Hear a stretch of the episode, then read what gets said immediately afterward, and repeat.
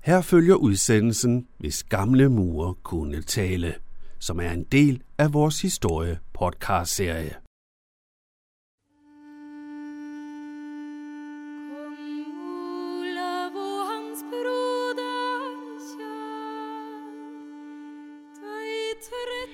Du kender sikkert talemåden, hvis disse mure kunne tale. Men tænk, hvis gamle mure virkelig kunne tale. De historier, de kunne fortælle. Især hvis du så besøgte en af de mange hvide danske middelalderkirker, der ligger spredt ud over hele Danmark. Det vil kunne fortælle om menneskelige tragedier, om krige,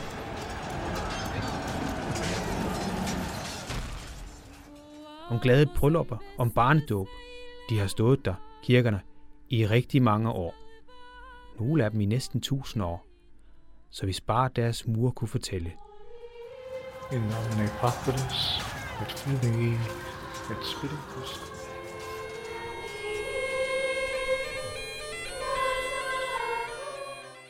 Det kan de ikke, men der findes faktisk mennesker, der kan læse kirker, som vi andre læser bøger. De går rundt om kirkerne, aflurer kirkens egen historie ud fra detaljer. Detaljer som f.eks. viser, hvordan et vindue ser ud, eller en sokkel, eller hvordan et kalkmaleri er malet. Og i selskab med den slags mennesker er det næsten som om kirken bliver levende igen, og man kan høre fortidens fjerne stemmer.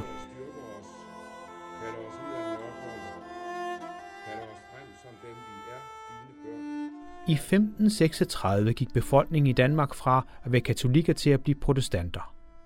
Årstallet og reformationen er årsagen til, at danske historikere siger, at middelalderen er slut, og den næste periode, renaissancen, begynder.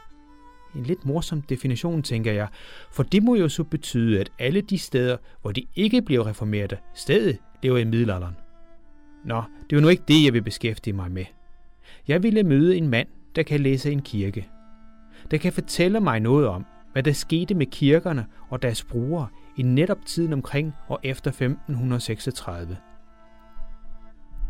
Til det formål er jeg kørt til Rynkeby Kirke, hvor jeg mødes med Martin Vangsgaard Jørgensen. Han er oprindeligt uddannet middelalderarkeolog og er redaktør på Danmarks Kirker, som er Nationalmuseets store borgværk om kirkerne herhjemme. Han vil vise mig rundt i den fynske landsbykirke og fortælle om de forandringer, reformationen medførte for kirkerne herhjemme. For kirkerne er ikke bygget på én gang, men ved knopskydning. Hver tilbygning eller udvidelse fortæller sin egen historie. Som et glimt fra en fjern fortid fastholder kvader og mursten fortællinger om forandringer i de samfund, der omgav kirkerne. Logikken bag er lidt den samme, som et parcelhus jo først får bygget en carport til, når beboeren har fået bil. Mennesker bygger normalt først, når der er behov. Da jeg ankommer, er kirken tom. Det er der ikke noget mærkeligt i, for det er jo ikke søndag, og så er der ingen gudstjeneste. Men interessant nok, så skal de vise sig netop at være resultat af reformationen. Ikke fordi antallet af troende faldt, men som Martin Vangsgaard Jørgensen forklarer her om betydningen af reformationen. Først og fremmest betød det en radikal ændring af gudstjenesten. Forstået sådan, at indledningsvis, der var den mest markante ændring, at man tog alle de, øh, alt det, der havde, så at sige, havde ligget af særlige liturgiske fester og fejringer øh, i løbet af det middelalderlige kirkeårs øh, gang, som var meget omfattende og havde en mange, mange forskellige former for fester, og skar dem drastisk ned. Hvorved at søndagens gudstjeneste, dens status blev ophøjet, fik en helt ny, eller ikke en ny, men en, fik en forstærket status, fordi at man i hvert fald i senmiddelalderen kan sige, at den kollektive fejring, som søndagens højmesse repræsenterer på en, meget, på en måde, kom i konkurrence med alle de mindre, mere individuelt orienterede fester og markeringer og messer ved aldrene. Ved at skære alle de her muligheder væk, tilbedelsen, eller hvad kan man sige, bønden til helgener, for eksempel, øh, ved sidealderne, ved at fjerne alt det, helgenkulten osv., ved at tage det ud af kirkerummet, stod højmessen tilbage som det ceremonielle anker, det ceremonielle vigtigste punkt i kirkerummet.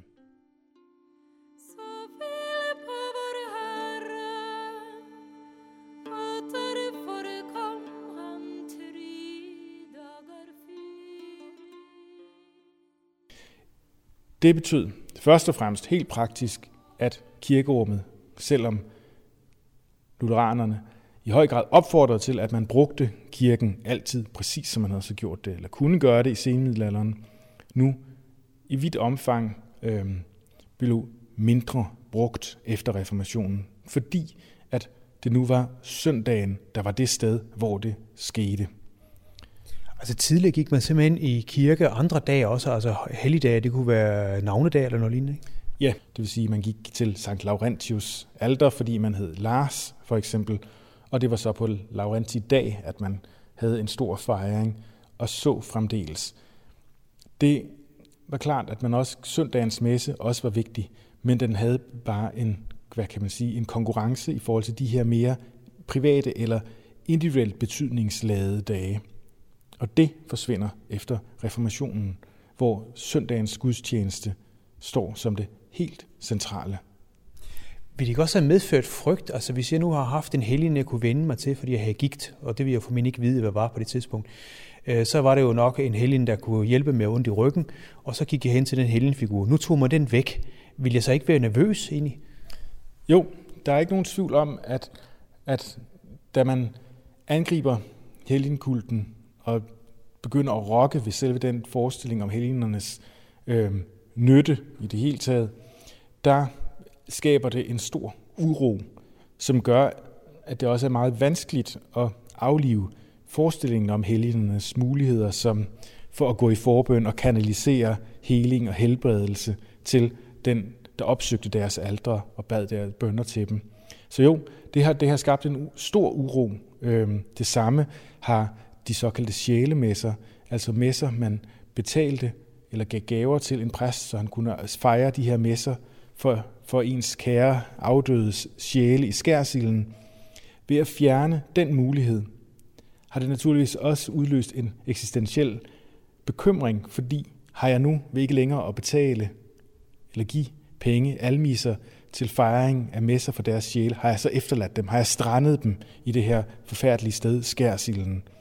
Det er klart, det er jo et stort ansvar, som den enkelte pludselig der har stået med ved at sige fra over for det her.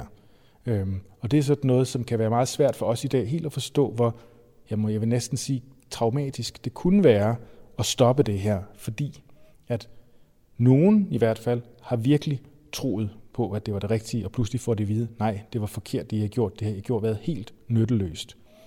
Andre har måske været mere skeptiske over for det, og det er jo selvfølgelig også grunden for, til, at man i det hele taget kunne afskaffe det, at nogen måske har været mere nølende eller slet ikke troet på det her og ment, at det var noget, kirken som institution havde brugt for at kunne, hvad kan vi sige, profitere på det. Øhm, så der har været flere synspunkter, men for nogen har det uden tvivl været meget voldsomt.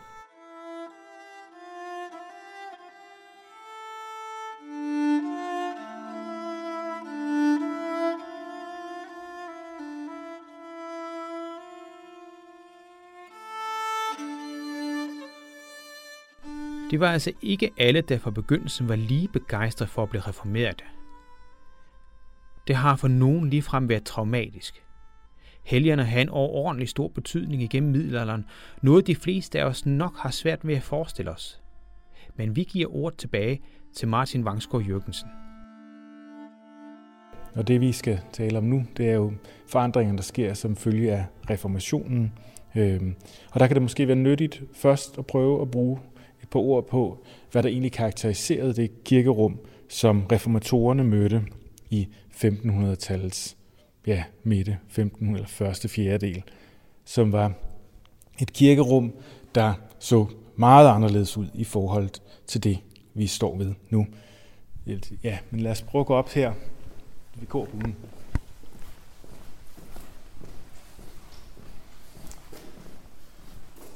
Men det, der er interessant, det er, at hvis vi ser den her vælvpille, der er i skibets sydøstre hjørne, som ikke er ført helt ned til gulvet. Der er sådan et, et hul øh, mellem velpillen og gulvet. Og der, der var der et sidealter. Den pille har været ført ned på et alter. Og præcis de her sidealtre, altså aldre, der ikke har haft en helt den samme status som kirkens højalter i koret, har jo netop været en af de ting, der har karakteriseret det senmiddelalderlige kirkerum. Netop det store antal aldre, der har gjort, at menigheden, der har brugt kirken, har kunne søge helgener, de aldre, der tælle til dem på en bestemt måde. Det kunne være deres navnehelgen, værnehelgenerne, for helgener, der har budt sig til med, for, som helbreder af særlige sygdomme, eller kunne hjælpe, hjælpe til med at facilitere en helbredelse. Eller det kunne være øh, aldre, der har haft en særlig tilknytning til det, den sammenslutning, den stand, man nogle gange har tilhørt. Det har været vidt forskelligt. Det vigtige er, at der har været mange aldre, øh, som har været et supplement til højalderet.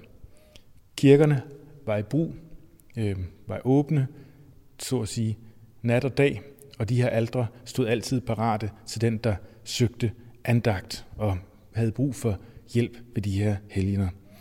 Det vil sige, at de aldre, der oftest så vidt muligt var orienteret mod øst, ligesom vi kender det fra kirkens, kirkerne nu, hvor højalteret også er i østenden af kirken, øh, var en mulighed, men halterne kunne sådan set være placeret, hvor det skulle være i rummet, hvor det var bedst plads til det.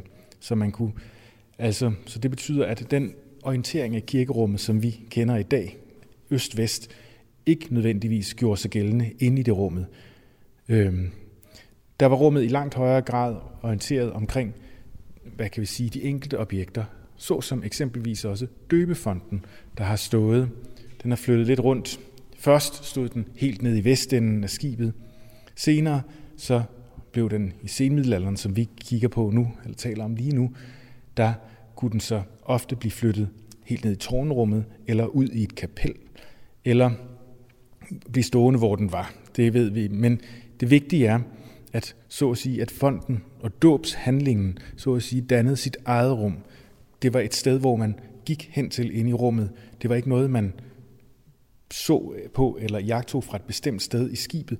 Det var noget, menigheden, dem der var med i dåbshandlingen, opsøgte sammen med barnet og præsten, der foretog handlingen, præcis som sidealdrene var noget, man gik hen til. Det vil sige, at det senmiddelalderlige kirkerum i høj grad var et flydende rum, hvor man bevægede sig rundt til de forskellige, man kunne kalde det, ceremonielle lejligheder eller situationer, som man øh, nogle gange var i rummet for at opsøge.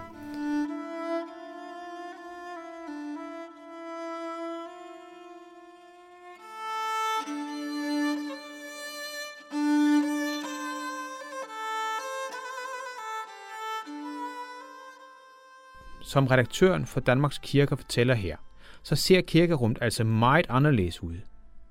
Rummet blev brugt hele tiden og på en meget mere fleksibel måde end i dag. Mens jeg kigger rundt i det store rum, prøver jeg at forestille mig flere aldre. Jeg forestiller mig, hvordan det har set ud engang. Sterinlys overalt, lugten og røgelse, med knælende mennesker foran aldre, der stod langs siden. I mumlen er bønnen Ave Maria her og der – en præst, der fremsiger latinske bønder foran højaldret. Andre går rundt i procession. En kvinde, der bekender sine sønner over for præsten i våbenhuset. Jeg ved godt, det er ikke sket det på samme tid, men der er en ting, der især forstyrrer mit indre øje. Stolestederne i kirken. De fylder det hele og er alle rettet imod højaldret i øst. Hvordan skulle man kunne gå rundt i det her mere fleksible rum, uden at støde ind i de her mange træbænke, her forklarer middelalderarkeolog og redaktør ved Nationalmuseet Martin Vangsgaard Jørgensen. Stolstederne var der ikke på det tidspunkt. Øhm, stolene, stolstederne, som er noget, vi traditionelt forbinder med reformationen, kommer også ganske rigtigt ind som et egentligt gennemtænkt system ved reformationen. Men i senmiddelalderen, der er det sådan, at det er et privilegium og et standstegn, en standsmarkør at få lov til at sidde under messen eller de kirkelige handlinger. Det vil sige, at man altid har siddet i kirken. Nogen har altid siddet i kirken, kan man sige. Det har varieret lidt, hvem og hvornår man har fået lov til at sidde, men der har altid været noget at sidde på. I det senmiddelalderlige rum, der kan man formentlig forestille sig et udvalg af knæleskamler, stole til de fineste i sovnet. Igen helt betinget af, hvad det er for et miljø, vi taler om. Er det en bykirke, er det en landkirke, en klosterkirke. Der er mange forskellige, øh, der er mange faktorer, man skal tænke med ind, men nogen har formentlig altid siddet eller stået i aflåste, aflukkede bokse, som man har kunnet opholde sig i, som en form for markering eller præcision af ens plads i det jordiske samfund, i det værtslige samfund. Altså en slags VIP-loge? Det kan man sige, ja, det, er, det kan man sige. Og man kan, der er eksempelvis det at have sin bedeskammel med ind i kirken, ved vi fra kilder, at det er, at bedeskammelen var ligesom bønnebogen, del af det personlige, øh, man kan sige, den personlige andagtsudstyr, så den veludstyrede øh, kirkegænger kunne altså medbringe den slags, eller eventuelt have det stående i kirkerummet permanent foran det alter eller det billede, der nogle gange talte særligt til en, eller endda måske var blevet stiftet af en af ens familie, eller ens familie.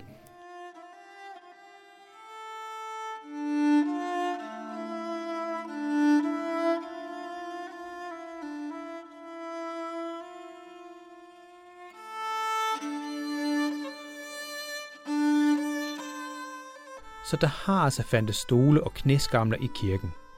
Igen, ikke kun ret i demoaldret som i dag. Det ændrede sig radikalt, da vi blev reformerte. Nu var det selve ordet, selve søndagsprædiken, der blev vigtig. Derfor blev hele kirken nu orienteret hen imod aldret. Præsten skulle af samme årsag have et sted at kunne tale til sin menighed fra.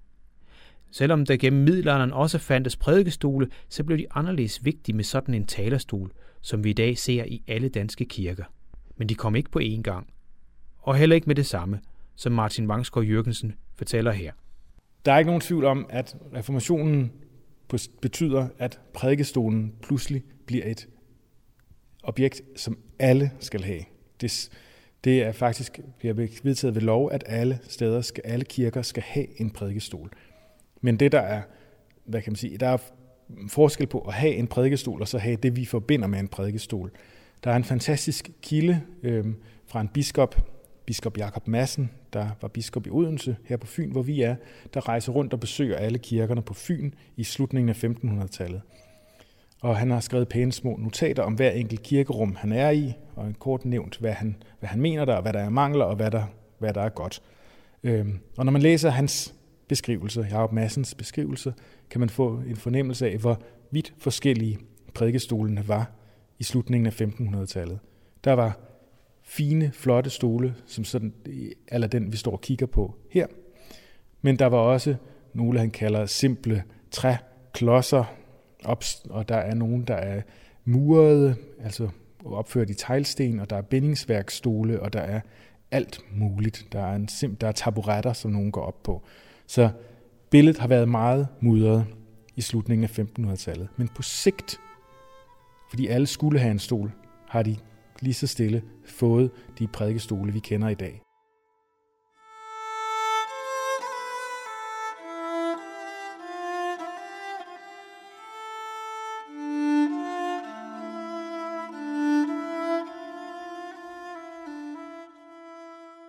Så prædikestolen, som vi i dag kender fra langt de fleste danske kirker, var altså ikke nogen, der blev indført fra den ene dag til den anden. Det samme gælder også bænkene, som Martin Vangsgaard Jørgensen fra Nationalmuseet forklarer her. Der er nogle, blandt andet en fin illustrativ kilde, synes jeg, fra Aalborg i 1580'erne, så vidt jeg husker på stående fod, hvor en degn klager over alt det arbejde, han har med øh, at rydde op i kirkerummet efter søndagens gudstjeneste for ved at slæbe store sten og træklodser ud af kirkerummet, som folk efterlader sig i kirkerummet efter søndagens gudstjeneste, som de har båret ind for at sidde på. Og det siger noget om, at der har måske har været bænke, der har givetvis været bænke, men der har ikke været bænke nok til alle. Nogen har altså benyttet sig af andre ting til at sidde på, mens der blev prædiket. Og det afspejler helt sikkert noget af den proces, som sker ved reformationen. Netop den gamle tanke om det, det, det at sidde ned i kirkerummet som noget særligt, et privilegium, et værdighedstegn, og at hovedparten har stået til nu, at man nu skal sidde og høre det her Guds ord i lang tid. Nogle har haft bænkene hurtigt, andre har måttet klare sig selv. Nogle har siddet på gulvet måske, andre har så skulle slæbe ting med ind i rummet og sidde på.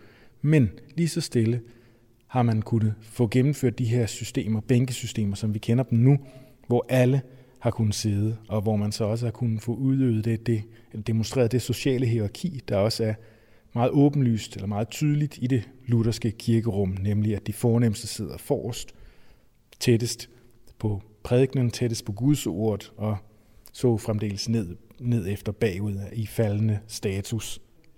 Så ja, men det jeg prøver at sige her, det er altså, at bænkene, som vi tænker som en del af det lutherske kirkerum, i virkeligheden først og fremmest er noget, der kommer, der gradvist udvikler sig som et svar på den kerneforestilling om den status, prædikenen får.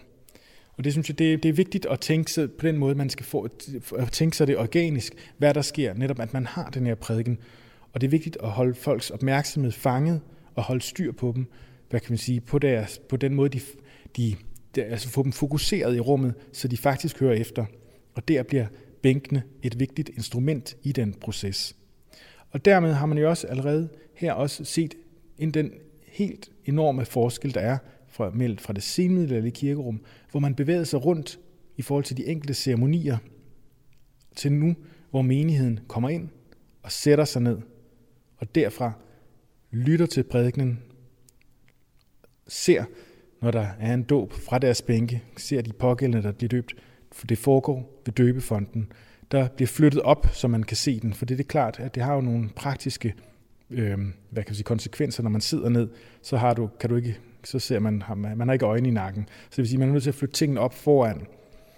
Så tingene samler sig altså i østenden af kirken foran menigheden. Man kan tale om en fokusering af retningerne fra det senmiddelalderlige kirkerum, der i virkeligheden var retningsløst, havde godt nok højalderet, som altid sikrede en, en østorientering, men i virkeligheden et rum, der kunne der havde meget mere flydende struktur til reformationen, efterreformatoriske kirkerum, der havde én retning, og det var mod øst.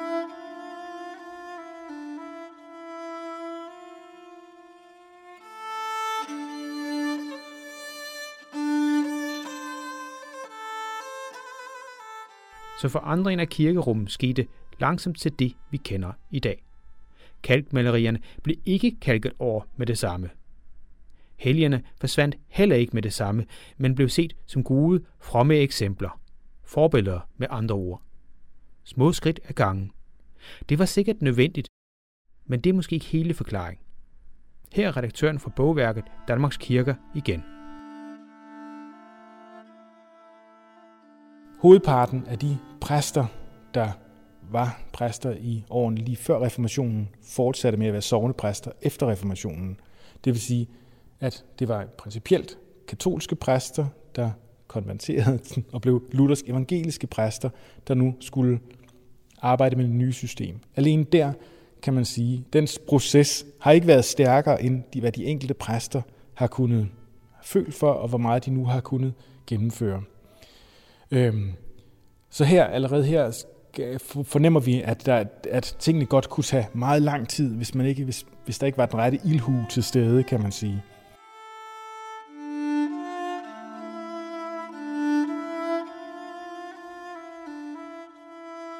Så vidt Martin Vangsgaard Jørgensen om tiden før og efter reformationen. Mens jeg sidder nede i kirken, vender mine tanker lidt tilbage til udgangspunktet. Tænk, alle de historier, de her kirkevægge kunne fortælle. Der er et eller andet betryggende ved at være i så gammel en bygning, som så mange mennesker igennem så mange år har besøgt. Det er som om, at de giver en vidshed for, at tingene også vil fortsætte, at intet vil blive glemt. Jeg rører ved nogle af kampestenene i sydvæggen. Dem, der har lagt dem, må have fået ondt i ryggen. Men tænk, de levede i en tid, hvor der fandtes ridere, men også pest, som dræbte op imod halvdelen af befolkningen. Jeg ser lidt på en meget flot gravsten fra middelalderen. Så måske kan din mur godt tale. Det kræver bare lidt viden og så en smule fantasi.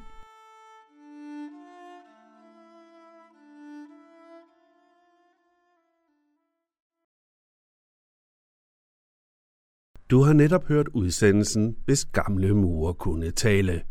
Det var Jan Simmen, der var journalisten bag udsendelsen.